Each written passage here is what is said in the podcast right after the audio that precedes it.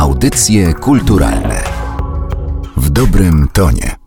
Pani Zenona Cypli-Kolejniczak, dzień dobry. Dzień dobry. Jesteśmy w Galerii Kordegarda na wystawie Pani pracy zatytułowanej Ojcowizna. Gdyby miała zacząć Pani oprowadzanie po tej wystawie, to od której pracy? Szczerze mówiąc, to ja bym zaczęła od paru słów na temat mego ojca, bo to niejako będzie tłumaczyło tematykę tych prac. Tato był 1917 rocznik, urodzony był 19 czerwca w Żerkowie koło Jarocina. To był okres schyłku I wojny światowej. Ja kiedyś sobie zadałam taki wysiłek przeanalizowania, co 19 czerwca 1917 roku się działo w tym tyglu I wojny światowej. Działy się rzeczywiście dziwne rzeczy. Jedną z takich rzeczy, która towarzyszyła prawie jego urodzeniu, było zaminowanie przez Anglików tunelu pod taką górą, na której siedzieli Niemcy i mieli mocną tam siłę rażenia ognia i tego dnia właśnie ten tunel został wysadzony. Trochę jest to taki znak jego losu, że ten los będzie naznaczony cierpieniem i zmaganiami takimi związanymi z wojną. I dalej idąc, ojciec miał średnie wykształcenie zawodowe, ponieważ to była wielodzietna rodzina. Jeden brat tylko miał wyższe wykształcenie, był prawnikiem, najmłodszy. Tato bardzo kochał naturę, przyrodę. Ojciec chciał, żeby on był kupcem, tata nie chciał. Jeśli chodzi o temperament, zupełnie chyba nie wpasowywał w ten typ myślenia. Dostał się do szkoły podoficerskiej, właściwie tego z wojska zwerbowali tam. Skończył szkołę podoficerską w stopniu kaprala w Lesznie, 15 pułku ułanów. I konsekwencją tego był jego los wojenny z armią generała Abrahama i z 15 pułkiem ułanów. Walczył nad Bzurą i walczył również w obronie Warszawy. I mój tato wraca do Warszawy i koło się tutaj zamyka. Przypomina o sobie w Warszawie nie tylko o sobie, ale o wielu, wielu tysiącach Polaków, którzy to samo robili co on. Kończąc jeszcze jego biografię, po zdemobilizowaniu wrócił do swego rodzinnego Żerkowa, a stamtąd ich Niemcy wysiedlili i wylądowali z całą rodziną w takiej bardzo malutkiej wsi na Lubelszczyźnie. I ojciec tam się jakoś z ruchem oporu związał i został aresztowany w Lublinie. Był w bardzo ciężkim więzieniu, najbardziej ciężkim politycznym więzieniu na zamku w Lublinie, gdzie go torturowali, wybito mu 16 zębów, połamano palce u rąk i z zamku transportem 3 października 1943 roku, czy to musiał być gdzieś rok w Lublinie, został wysłany do Oświęcimia, a z Oświęcimia został wysłany do Mauthausen, gdzie pracował w kuchni, ponieważ był z zawodu piekarzem i za wyniesienie chleba z kuchni został przywiązany do ławki pasami i bity młotem przez nerki, co było przyczyną jego przedwczesnej śmierci, bo tuż w latach 50. zaczął chorować bardzo i miał raka nerek, potem miał przerzuty na płuca, niepotrzebnie zoperowany i w wielkich cierpieniach zmarł. Mama nazywała go męczennikiem. I ja, ponieważ zostałam jakby tego ojca pozbawiona, mając 15 lat i do mnie jakby te informacje o nim wracają w ciągu całego życia, to, to nie jest obowiązek, że ja to muszę zrobić. To jest wewnętrzna potrzeba o bardzo czystej strukturze. Ja się siebie nie pytam, dlaczego ja to chcę robić. Po prostu ja to muszę zrobić. I być może się okaże kiedyś dlaczego.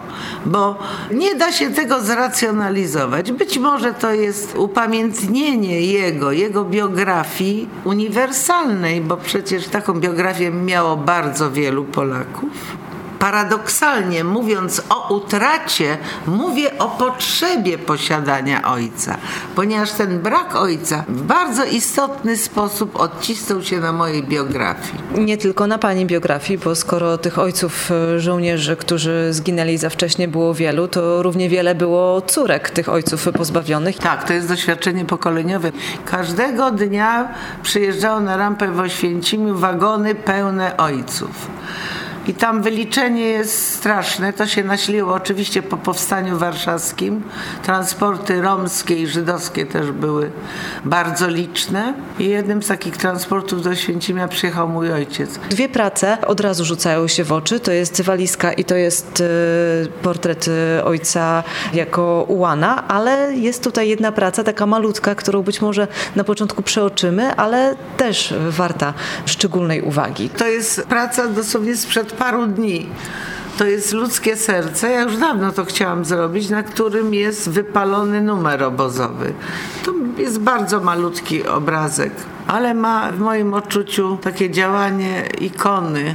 Każda praca ma taki ładunek emocjonalny, że mi jest trudno o niej opowiedzieć. I mam świadomość, że czas to jest takie banalne określenie goi rany ale musimy się liczyć z taką nieuchronnością, ponieważ następne pokolenia przychodzą, one już nie mają naszych doświadczeń i tak jak jest na tej pracy, że na tym piasku nad morzem wiatr zasypuje ten numer obozowy. A czy czas mógłby zasypać też u Pani potrzebę przepracowywania tematu ojca w twórczości? Ja myślę, że to się stanie, bo to się już dzieje cały czas, aczkolwiek myślę, że ten stan sieroctwa, w którym ja wiele lat byłam, tak na tym sercu, wtatuował mi się ten los, ponieważ ja odziedziczałam geny po ojcu a jego geny w myśl najnowszych badań naukowych były odkształcone przez cierpienie. Ten duży tatuaż, który jest najwcześniejszą moją pracą, bo za rok będzie miał 20 lat i nigdy nie była ta praca pokazywana, to jest obozowy tatuaż mego ojca, który sobie wytatuowałam na mojej skórze, został sfotografowany i w każdym wkłuciu jest jedna jego fotografia, jeden jego portret od dzieciństwa do lat najpóźniejszych. Ja to raz pokazałam w Domu Literatury, nieoprawione, ale nam się to zaraz odkleiło i trzeba było mniejszy format tej pracy pokazać, bo mniejszy format tej pracy ja pokazywałam. A teraz ten duży jest w Kordegardzie, dokładnie naprzeciwko tej pracy najnowszej. Właśnie i tu się stała taka nieoczekiwana rzecz, ten duży tatuaż miał zupełnie gdzie indziej wisieć i najlepiej po prostu on się sytuował tutaj na tej ścianie, która jest ścianą przeciwległą do najnowszej pracy z tym sercem, na którym jest tatuaż wypalony. Także te dwie prace jakby patrzą na siebie patrzą na siebie i myślę, że obie prace mają równie mocne działanie, mimo że ta jest zupełnie malutka. A jaki obraz pani ojca wyłania się z tej wystawy? Czy to jest ojciec żołnierz, ojciec patriota, a może ojciec męczennik, tak jak mówiła pani matka? Ja myślę, że to jest raczej ojciec męczennik. Patriota też. 22 lata miał, jak wybuchła druga wojna był w wojsku i to było oczywiste, że się bijemy za ojczyznę. To nie było sprawa jakiejś dywagacji, że będziemy patriotami albo nie będziemy.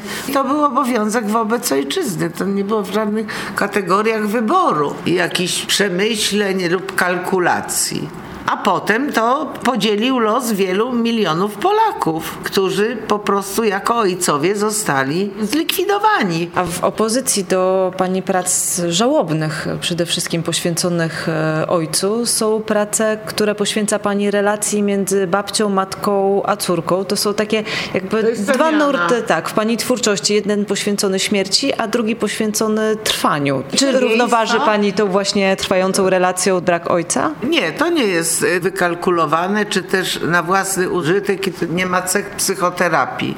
Bo po prostu ja to tak widzę, no. Moje korzenie są w ziemi, ponieważ rodzina mamy była rodziną chłopską z Galicji i wszystko, co było dobre, miłe, serdeczne i naturalne, to mam wzięte z tamtej rodziny. Ja jestem ukorzeniona w ziemi. To, co pani widziała na historiofilii, to jest transformacja graficzna. Ale ja w 94 roku w kamionie nad Wartą zabrałam się za pole jednego chłopa, za jego zgodą oczywiście, i w bruzdach ziemi na jesieni odłożyłam maski zdjęte z mojej mamy, siebie i z mojej córki. I tam na polu ornym to dopiero wyglądało. Bardzo ludzie to rozumieli świetnie. Jak przychodzili, jechali, bo przecież to był okres tych jesiennych podorywek, jeździli na pola, zatrzymywali się i było to dla nich wstrząsające. Oni rozumieli o co chodzi, że tu rzecz się ma w trwaniu, a to jest tylko przemiana. Jedno przechodzi w drugie. Także ja ten babka, matka, córka to już zaczęłam robić w 92 nawet roku. Ale ja idę jeszcze z tym dalej. Potem powtórzyłam to w salach y, naszej Galerii Miejskiej w Poznaniu. To też miało wielkie działanie. Brzydkie słowo instalacja, tu do tego nie pasuje, ale innej nazwy w sztuce na to nie ma.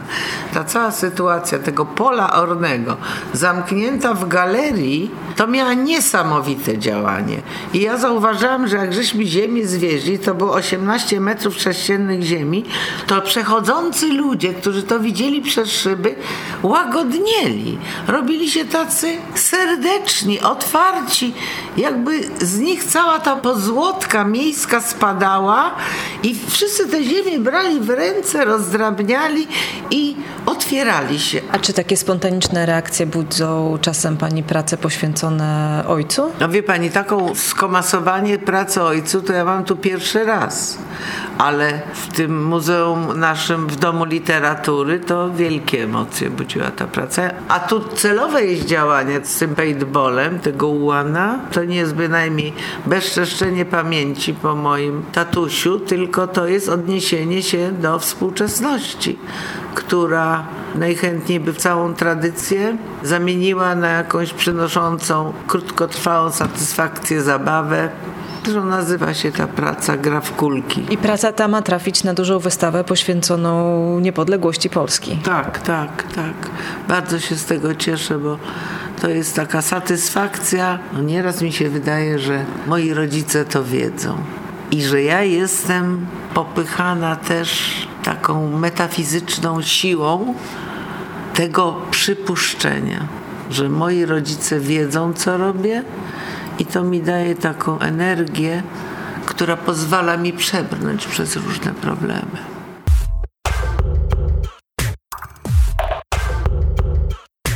Materiał przygotowała Magdalena Miszewska. Audycje kulturalne w dobrym tonie.